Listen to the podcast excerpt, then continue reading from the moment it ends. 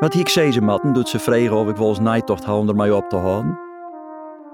Wat is dat eens voor een vraag? Mijn lippen is van varen. Van varen, big band. En wat jilt verzin je? Dat is toch logisch? Wat ik ze kind. Ik had ommers al heel veel uittekenen. Maar fine en grauwe zwarte op een wit vel papier. Grut en grutsk. Het is zo helder.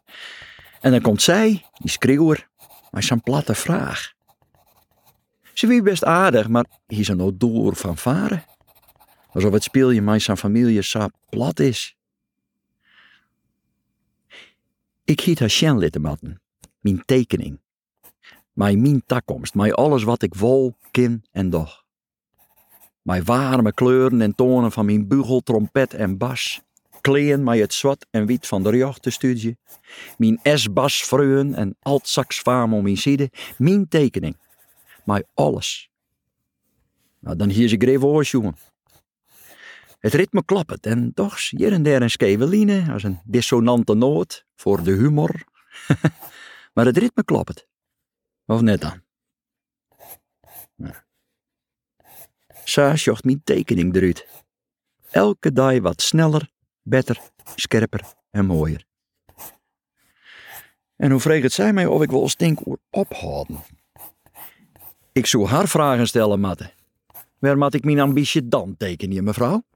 En waar hel ik dan mijn kleuren? En waar vindt eer weer sam mixte familie als jer, mevrouw? Daar had ze dan verder geen antwoord op. En nou, dan genies ik echt wel een beetje en dan vreeg ik haar of mij speel je wel. Gewoon om eens te ervaren, us van varen. Us hele familie bij een oor. Ja, dat ik wil ze wel.